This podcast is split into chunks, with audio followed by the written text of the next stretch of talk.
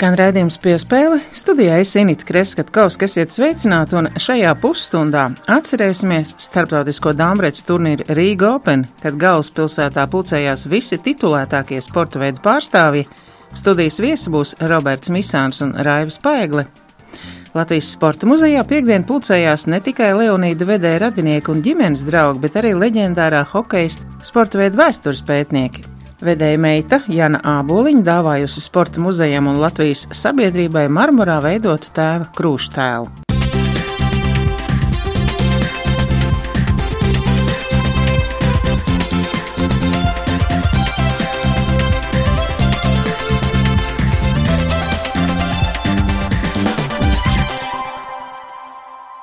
Jau ziņots, ka no ASV Mičiganas štata Dīrbornas pilsētas uz Latviju ir atceļojusi pirmās Latvijas republikas izcilākā ledus hokeista Leonīda vedēja marmorā veidots krūštēls.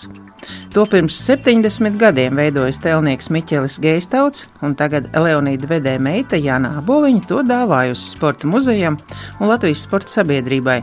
Pasākumā piedalījās arī nemazāk leģendārā soļotāja Jāņa Daliņa jaunākais dēls Jānis. Savas atmiņas par vedēju bija arī hokeja vēsturniekam, bijušajam izlases trenerim Evaldam Grabovskim. Mūsu ārstata autors Rēnis Grunspēņķis ne tikai pārlasīja tā laika ārvalstu presi, ko rakstījusi par Leonīdu vedēju, bet sporta muzejā uzklausīja arī Evaldu Grabovski un Latviešu studentu korporācijas Letgolī biedrus. Mūsdienās pazīstamais hokejs, kuru tolaik devēja par ledus hokeju vai kanādiešu hokeju, Latvijā vēl nebija ieviests, kad lielā sporta gaitas jau bija sācis Leonīts vedējs. Kā kārtīgs tā laika puisis, vasarās viņš spēlēja futbolu, bet ziemās bendiju. Un tā 1927. gadā, 18 gada vecumā, viņš pievienojās vienai no spēcīgākajām Latvijas futbola komandām - Rīgas RFK, mēģinot apvienot lielo sportu ar lielajām mācībām, jo Leonīts uz Rīgu bija atbraucis no dzimtās Daugaupils. Dažus gadus vēlāk Esplanādē tika organizēts pirmais hokeistu treniņš, kurā piedalījās arī Leonīts Vedējs. Treniņu gan vadīja viens no izcilākajiem Latvijas pirmās brīvvalsts laika sportistiem Arvīts Jurgans, taču tieši Leonīts bija tās, ap kuru viss iegriezās.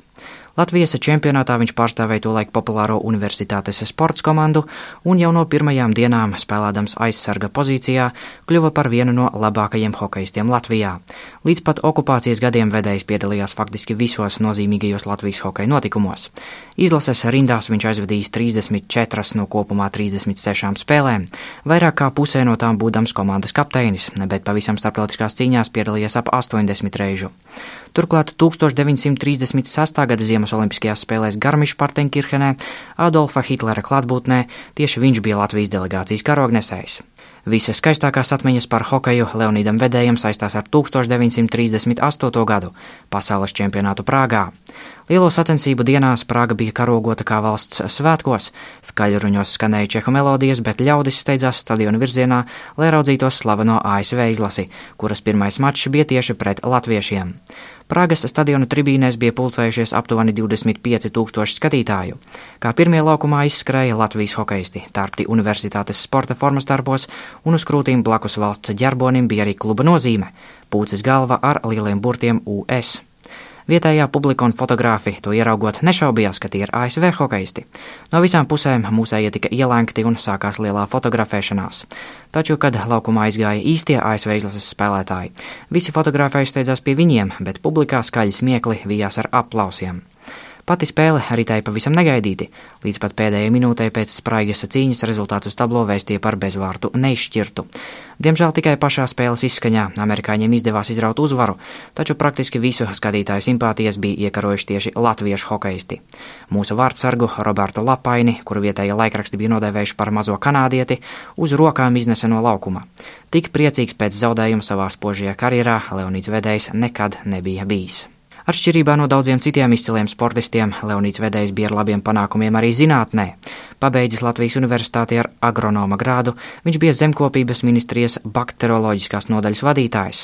Leonīda tēvs, 5. gada revolūcijas dalībnieks un policijas iecirkņu vadītājs, Jūlijas Vedējs ir ticis apbalvots ar triju zvaigžņu ordeni, Otrā pasaules kara laikā kopā ar ģimeni viņi devušies bēgļu gaitās uz Vāciju, bet pēc tam līdz pat mūža beigām Leonīds Vedējs dzīvoja ASV. Taču arī tur nepazuda saikne starp viņu un hokeju. 80. gadu vidū viņš pat mācījās spēlēt hokeju eksotiskajiem Rio de Janeiro hokeistiem, bet, kad Latvija atkal atguva neatkarību, katru pavasari Leonīds brauc apciemot savus draugus, bet ne tikai. Sirmā un staltā džentlmeņa sirds uz visiem laikiem bija atdota Latvijas hokeja meitenēm. Viņš cītīgi sakoja mūsu sieviešu hokeja attīstībai, cik spēdams palīdzēja komandas veidošanā, dāvājot hokeistēm no savas pensijas ietaupītos līdzekļus. Vēl 84 gadu vecumā viņš pats kopā ar Rīgas vecmeistars hokeistiem laida slaidus lokus pa Rīgas sporta pilsētas lidotavu. Taču pavisam negaidīta un akūta iekšķīga vaina agrā 4. februāra rītā 1995. gadā aizsauca aizsaulē dzīves priecīgo un optimisma pilno hokeja pionieri. Tas bija stabilu pamatu licējs Latvijas vīriešu hokejam, pienācīgs atbalsts vēlāk sieviešu hokejam un vienkārši brīnišķīgs cilvēks. Tā bija Latvijas hokeja leģenda Leonīds Vedējs. Viens mats ir trausls, bet, ja sapīt bizē, tu viņu nekad nepārrausi. Ja? Un muskuļu šķiedra arī bija kvijums. Protams, vēlākais prieks, ka mēs palikām elitē, cīnījāmies un labi nospēlējām, es domāju. Jūs neesat personīgi tikšies, bet uh, kā jūs varbūt viņu atceraties kā personību, kā cilvēku? Tajā vēsturē raugoties, par tām lietām interesējoties, zinām pietiekoši daudz par viņu. Visvairāk man viņš iespējas atmiņā ir no tām publikācijām, ko viņš ir rakstījis šeit uz Latviju vēstules par tiem laikiem Latvijas hokeja sākumu, kurā viņš ir ņēmis tieši dalību. Tad varētu teikt, bijis gandrīz centrālā tur figūra. Tā, kā, tā ir viņa, viņa loma, viņa ieguldījums. Tas ir ļoti būtisks. Jo, ja tā nebūtu, es baidos, ka būtu ļoti grūti teiksim, kaut ko sameklēt. Protams, tas ir izdarīts. Izdarīts arī, un uh, Zelenkovs Andris ir uzrakstījis lielisku grāmatu. Tur jau būtībā viss ir aprakstīts, gan viņa gaitas, gan tas pārējais. Bet, uh, Mm, pat tikpat, cik es esmu ar šo te Latvijas hokeja vēsturi arī nedaudz saistīts. Laiks, šis laiks un tie fakti tur ir atspoguļoti. Viņš arī pēc tam, tad, kad jau Latvija atguva neatkarību, ļoti daudz palīdzēja tieši sieviešu hokejām. Viņš no savas pensijas ļoti daudz līdzekļu ziedoja. Es tajā laikā nebiju Latvijā. Un arī tajos uzņēmumos, kas šeit ir, ar viņu līdzdalību, visi, man, manas tur vienkārši, es tur neesmu bijis klāt. Tā kā es zinu, un, un tas viss ir augsts novērtēts, protams, dabīgi, un teiksim, tā visi viņa ieguldījums ir, ir, protams, ļoti augsts vērtējums. Nu, pastāstiet, kā jūs atceraties Leonīdu Vedēju? Leonīds Vedējs bija uh, Latgalijas biedrs, sportists.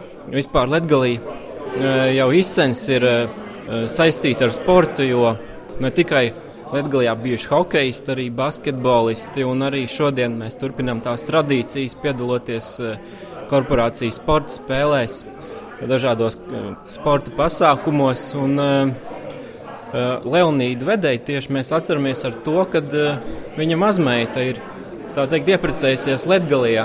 Viņas vīrs ir Latvijas, un līdz ar to mums ir viņa biogrāfija zināma. Un mēs arī Tādējādi atceramies viņu gan kā ledgali, gan kā uh, krietnu sportistu. Pēc labi nobrauktiem mačiem un tieši no radio, no radio sporta raidījumiem. Tie ir tie pirmie cilvēki, kurus ar maniem runā. Varbūt es esmu sākusi arī sevi kā basketbolistu novērtēt vairāk. Latvijas Sporta muzejā vizuāla prezentācija par hokeistu vedēju, kas valsts vienības sastāvā piedalījies četros pasaules čempionātos, bet 36. gadā Ziemas Olimpiskajās spēlēs Garmiša Partenkirhenē bija Latvijas karognesējas atklāšanas parādē, bija sagatavojusi Sporta muzeja pārstāve Rita Apina un neliels ieskats tajā. Cimšana 1908. gada 12. oktobrī Daugavpilī policijas ierēģi Jūlija Vedēja un Jozefīnas ģimenē. Izglītību iegūst Rīgas Krievijas gimnājā, studējis Latvijas, Latvijas Universitātes lauksaimniecības fakultātē, iegūdams agronomu grādu, bet visu mūžu viņš strādāja kā, uh, bakterologs. Jā, kā bakterologs dažādās ietādēs. Tāds ir Leonīds Vedējs jau 70, 80 gados, kā studentu korporācijas Latvijā biedrs un savā mājas bibliotekā līdzās līdzās kādreizējai futbolisti Nikolai. Un 1956. gadā laikraksts Laiks raksta, ka pirms 25 gadiem mūsu rekordnacionālo ledus hokeistu agronomu Leonīdu Vedēju iedalīja pirmo reizi izlases sastāvā. Leonīds pats par to bija jau sen aizmirsis. Šo gadījumu tomēr atmiņā bija paturējis viņa kluba biedrs, kādreizējais futbolists Nikolais Stūls. Viņš ieradās Grand Rapidos no tālās Kolorādo Springs, ne tikai vedēja apsveikt, bet uzdāvināja arī lielu pašu gleznotu portretu valsts vienības tērpā. Notikums arī izpelnījās vietējās amerikāņu sabiedrības ievērību. Un Grand Rapidu laikrakstā parādījās zemāk redzamais uh, uzņēmums.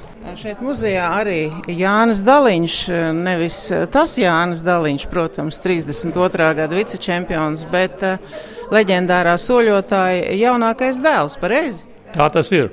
Jūs arī šeit Leonīda vedēja uh, krūštēlu prezentācijas pasākumā, vai tās ir klaida atmiņas, kas jūs ir vienojušas ar šo ģimeni, vai sportošanas atmiņas tēvam?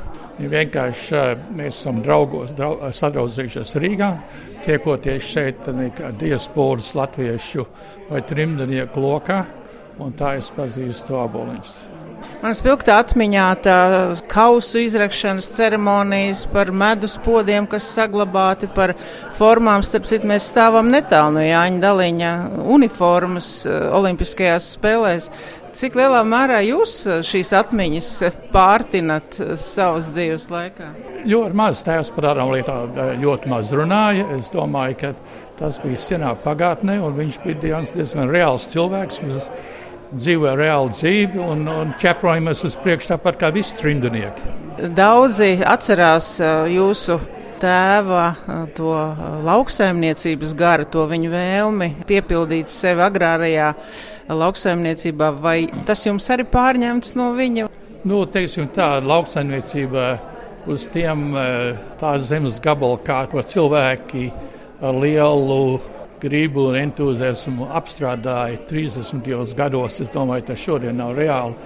Eh, vienīgais, ko mēs varam darīt, ir, ir eh, sakopt īpašumu, nopļaut zāles, gādāt par tīrību, par dabu. Eh, tur ir daudz iecienītu vietu, Valmīras pludmale. Ļoti liels ap, cilvēku skaits tur apgrozās. Tas ir galvenais, ir tādi ieturēt tādu pieņemamu vidi. Ļoti jauki, ka šīs trofejas nonāk Latvijas tautai, sporta muzejam. Vai jūs kaut ko esat sev atstājuši no Jāņa Daliņa trofejām, vai arī viss ir atdots apskatē? Mēs atdodam visu, un tēvam jau bija tāda, es, nu, es lasījis esmu, viņš to daudz nerunāja. Bet uh, ir apraksts vienā, es nemaldos, atpūtas izdevumā 30. gados, kur viņš bija tieši teicis, ka tām trofejām uh, nekādas nozīmes nav. Un, un eh, tā izvazāt tās par radu mājām, kādreiz tur nekādas jēgas nav, tagad tas eh, pieder tautai. Šeit, eh, sporta muzejā, agrāk Svētki lieli bija ceturtdienās, tagad ir arī piekdienās liels svētki. Raidījums piespēle iesojās sporta muzejām Jāna Aboliņa. Jūs esat viena no tām, kam jāsaka paldies, ka šis Leonīda vedēja krūštēls tagad ir dāvināts ne tikai muzejam, bet arī Latvijai. Ja? Jā, mēs esam ļoti priecīgi par to. Jūs arī esat no tā Mičiganas štata atbraukuši, vai tikai krūštēls ir atceļojis tik tālu ceļu? Nē, mēs arī esam no turienes atbraukuši. Mēs pavasarī dzīvojam Rīgā un tad uh, Mičiganā Dearbornā, netālu no Detroitas. Tā būs ļoti laba uh, un jauka tikšanās uh, Latvijas hokeja ekspertiem, leģendāriem sportistiem, treneriem, jo uh, mēs jaunākā paudze jau tikai atceramies no tām fotografijām, bet nu, trīs arī pasaules čempionāta dalībnieks un karognesējs Berlīnē. Kā jūs to atceraties, vai bija kāda nostāsta no tā puses? Ne īstenībā es no draudzenes tikai dabūju zināt, pēc tam, kad mans teicis jau bija miris, kad viņš bija tas, kas nes Berlīnē to Latvijas karogu. Konkrēti par šo krūštēlu, cik zināms, pirms 70 gadiem tas veidots. Kā jums izdevās tik ilgi noturēt, vai tā vēlme atdot Latvijai jau bija sen? Mēs dzīvojam DP nometnē Fišbahā, Vācijā. Un tur arī telnieks Miķels Geistauds dzīvoja. Un viņš bija prasījis, vai mans tēvs varētu priekš viņa pozēt, lai varētu to kruštēlu veidot. Un mans tēvs to darīja, un tas kruštēls uh, tika iztaisīts. Un tad mēs tikām aizbraukuši uz Ameriku, un arī tas Geistaut kungs. Un tā tad mans teica to nopirkt, un tā visu laiku bija mūsu mājā Grand Rapīdā, Mičigānā, kur mēs dzīvojām. Un tad, kad mans teica un māma abi nomira, tad mēs, mums vajadzēja pārdot viņu to māju. Mans brālis Dainis gribēja paņemt mums tādu portretu no tēta, ka viņš slido. Un Dainis gribēja to, un tad es paņēmu to kruštēlu. Un tas kruštēls visu laiku bijis mūsu mājā, Dirbornā. Un mēs ar, Pēteru domājam, hei, mums taču vajadzēja kaut ko darīt ar viņu. So pagājuši, nu šito pagājušo janvāru vai februāru es biju Latvijā, un es satikos ar, ar Baibu, kur bija te muzejā, un prasīju, vai muzejs būtu ieinteresēts tajā kruštēlā. Un viņa teica, o, labprāt, ļoti. Un tad mēs tad likām, lai viņu pārsūtu uz, uz, uz Rīgu, un tur bija visādas problēmas ar muitu. Un, un, agrā brūna tik brīnišķīgi, visu to arī izkārtoja, un tagad viņš ir šeit. Lielas jums paldies, un tad mums būs iespēja noklausīties arī Latvijas eh, leģendu stāstus un atmiņas par jūsu tēvu. Lieliski! Paldies, paldies jums! Paldies! paldies.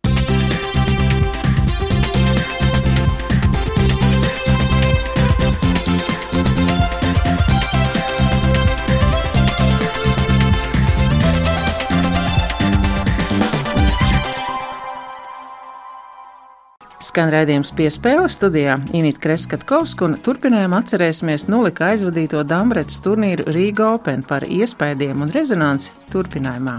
Esiet sveicināti redzījumā piespēle. Šodien mēs asināsim prātu, tā sakot, runāsim par Dambreti, Roberts Misāns un Raivis Paigli. Šī redzījuma vieslabdien! Sveiki! Sveiki! Jūs esat abi aktīvi dambretisti un arī, protams, nulikā pavadītā starptautiskā turnīra organizatori. Rīga Open tik vērienīgas Dambredzes zvaigznes šķiet Latvijā nav bijušas vienkopus, piektais jubilejas turnīrs. Arī mūsu vadošie Dambretisti jau izteicās, ka var just, ka ar tādu jaunu tvērienu jūs esat nolēmuši sporta veidam pievērsties. Varbūt Robertis pirms par to vēsturisko, kādēļ jums ir tik svarīgi būt Dambretē un ne tikai pašam būt, bet arī maksimāli labākos šeit Rīgā piepulcināt. Droši vien viss sākās ar to, kad es pats biju jauniešos ļoti aktīvs spēlētājs.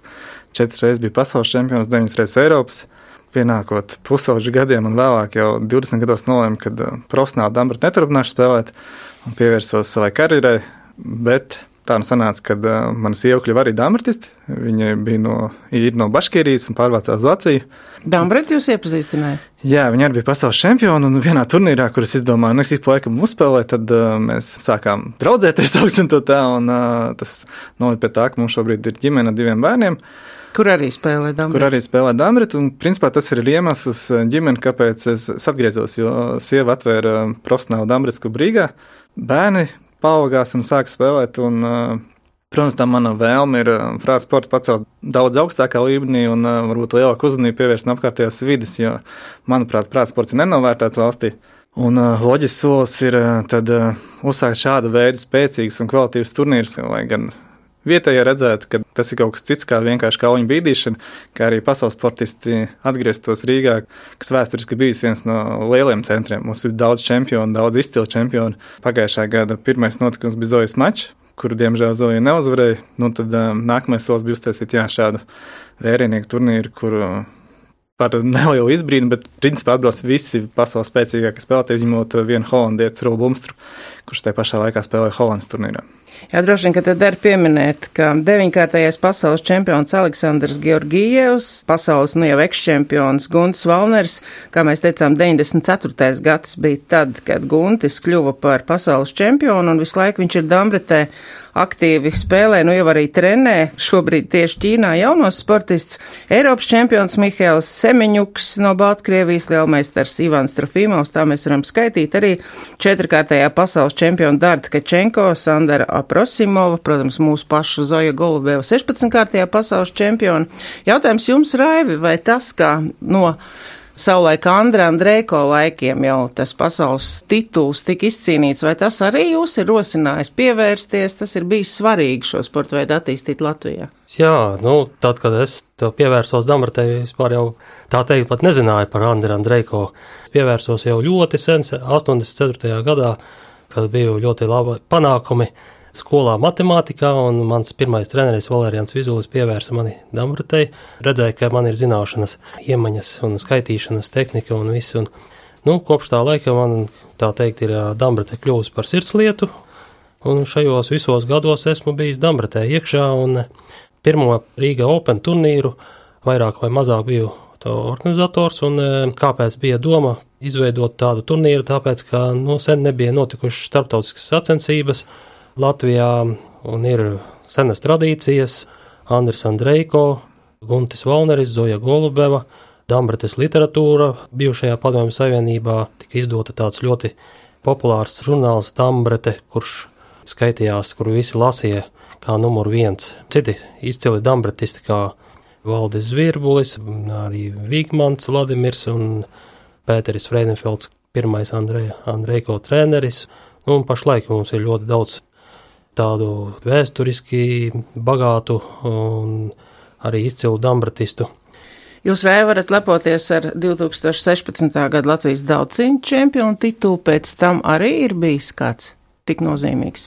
Viņš Imants Olimpiādē izcīnīja trešo vietu čekers mm. dambrats veidā, kas bija gadus astoņus atpakaļ vai vairāk.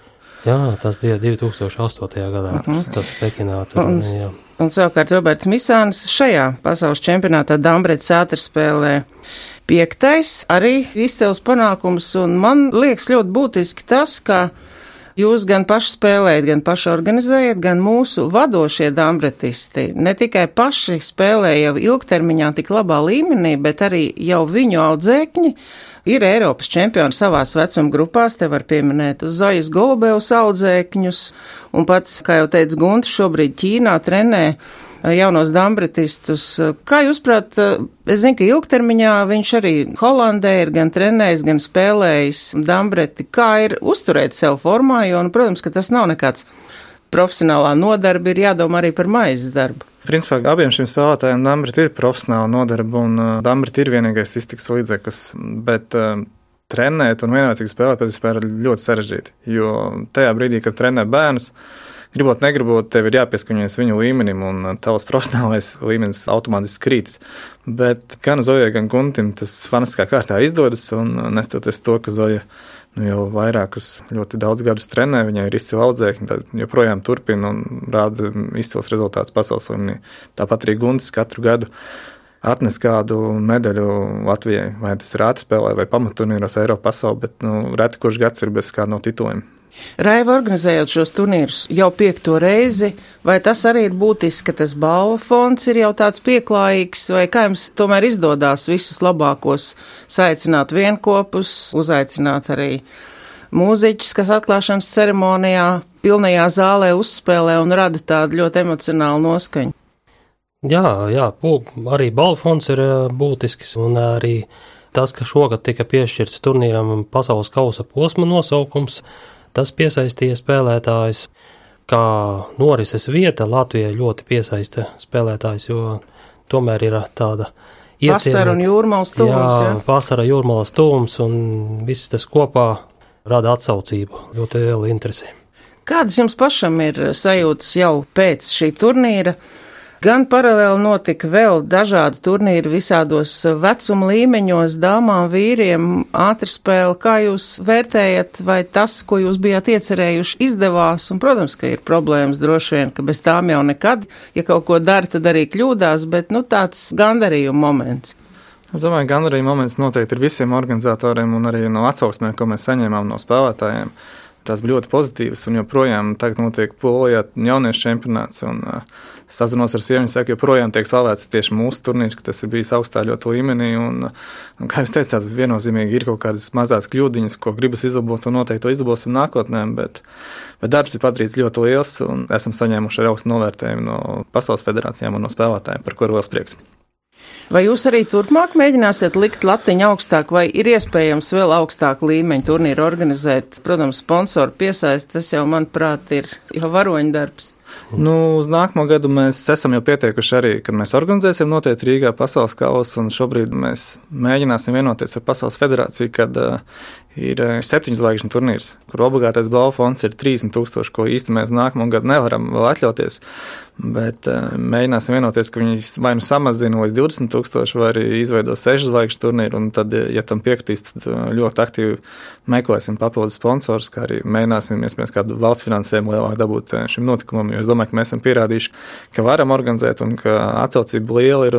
Un, arī, ja skatāmies rakstus, kas šobrīd tiek publicēti ārvalstīs par Latviju un Rīgu un par šo turnīru, tad popularitāte ir pietiekoši augsta jākāp augstāk, ir jāmēģina vairāk izdarīt un, un, un paaugstināt to zvaigžņu skaitu jā, līdz kādām sešām, septiņām. Nu, mēs patiesībā veicam tādu unikālu projektu arī Rīga Open ietvaros. Mēs intervējam pasaules spēcīgākos spēlētājus. Visas šīs intervijas ir atrodamas YouTube Latvijas Damaras federācijas kanālā. Un kā reiz bija šis jautājums, kā jūs uzsākāt trenēties, Dāmbre, cik ilgi trenēties un ko jūs darat tagad? Pasaules vadošie spēlētāji jaunie, kas ir no Holandas, kā Rūbums, Martēna vai Izendoma, Jana Gronendinga, visi trenējas kā minimums dienā trīs stundas katru dienu, ir kas sešas stundas, un darbs notiek ar datoru, analizējot, meklējot inovācijas, atklātnēs. Un, tas, protams, ir nesalīdzināms, kā bija agrāk. Nu, agrāk ļoti daudz mēs strādājām ar grāmatām, tas šobrīd jau ir pārgājis tas, ko strādā sākot ar 16 gadiem jau jaunieši individuāli ar datoru palīdzību. No, Bet, ja mēs skatāmies pārvalstu treneriem, tad uz nākamo gadu pastāv iespēja, ka mēs piesaistīsim arī speciālistu no Krievijas, Ukrainas, jo viņi šobrīd visi dodas uz Ķīnu, un tas summas nav tik astronomisks, ko viņi dienā tur nopelna, vai uz mūsu treniņu nometnēm nepiesaistīt arī speciālistu no malas. Tā kā es domāju, ka nākamajā kāds jau paviesosies arī pie mums. Atgādinu, ka šodien redzējumā piespēlē mēs runājam par Dambreti, Roberts Misāns, Raivis Paigle. Kam mums pievērst uzmanību? Cik zināms, Eiropas čempionāts jauniešiem tagad, Guns Valners gatavojas pasaules čempionātam, vēl ir droši vien mači līdz gada izskaņai. Tur katrs treneris individuāli skatās, vai iet tikai vienu damarts virzienu, bet Latvijā, kā ierasta, sāk bērni trenēties uz mazā galdiņa, kas 64, un tad jau vecumā 90 gadi spēlē paralēli abas damarts, un ap 13 izvēlās, vai tā ir 64 vai 100 damarts. Par šī gada notikumiem vēl patiesībā ir diezgan daudz. Tagad augustā sekos pasaules čempionāts tieši 64 lociņu damartē, kur arī Latvija pārstāvēs ļoti plaša delegācija. Tāpat laikā praktiski iet pasaules čempionāts pieaugušiem, kur Guntis startēs. Un oktobrī tad atkal būs pasaules čempionāts jauniešiem simtociņu dāmartēm. Pa vidam ir vēl dažādi Open turnīri, Eiropas čempionāts ātrspēlē Izrēlā, kuras, domāju, arī noteikās no latviešiem brauks, iespējams arī pats startēšu. Un vietējie notikumi, kā Latvijas kalas skola un olimpiāda. Turnīri ļoti daudz, un kalendārs ir piesātināts. Un, principā, katru nedēļu bērniem atrodas viens vai otrs turnīrs, kuros startēt. Mm, tieši tā, jā, un jārāda bērniem piemērs, ka var sasniegt virsotnes un ka ir rezultāti, ka notiek turnīri un ļoti labā līmenī notiek. Tas, lai rosinātu bērnos interesi un, un prāta spēles, tomēr attīsta domāšanu un, un bieži dažādie projekti arī skolās ieviest, kā mācību stundu pat un, un, un tā, un ne tikai to vienu. Bet, nu, liekas, kas tur kauliņu bīdīšana, bet tomēr tas prasa līdzekļus un bērniem arī patīk pateicības, diplomi, medaļas un arī nelielas balviņas. Nu, tas tā stimulē. Jā, nu tad eh, es saku paldies par to, ka jau norganizējāt šādu vērienīgu turnīru, lai turpmāk arī izdodas arī dzirdīgas ausis saklausītu šo jūsu vēlmi, un raidījumā mums bija Roberts Misāns un Raivis Paegli. Paldies, ka atnācāt. Paldies, Jā, lūdzu, lūdzu. Paldies.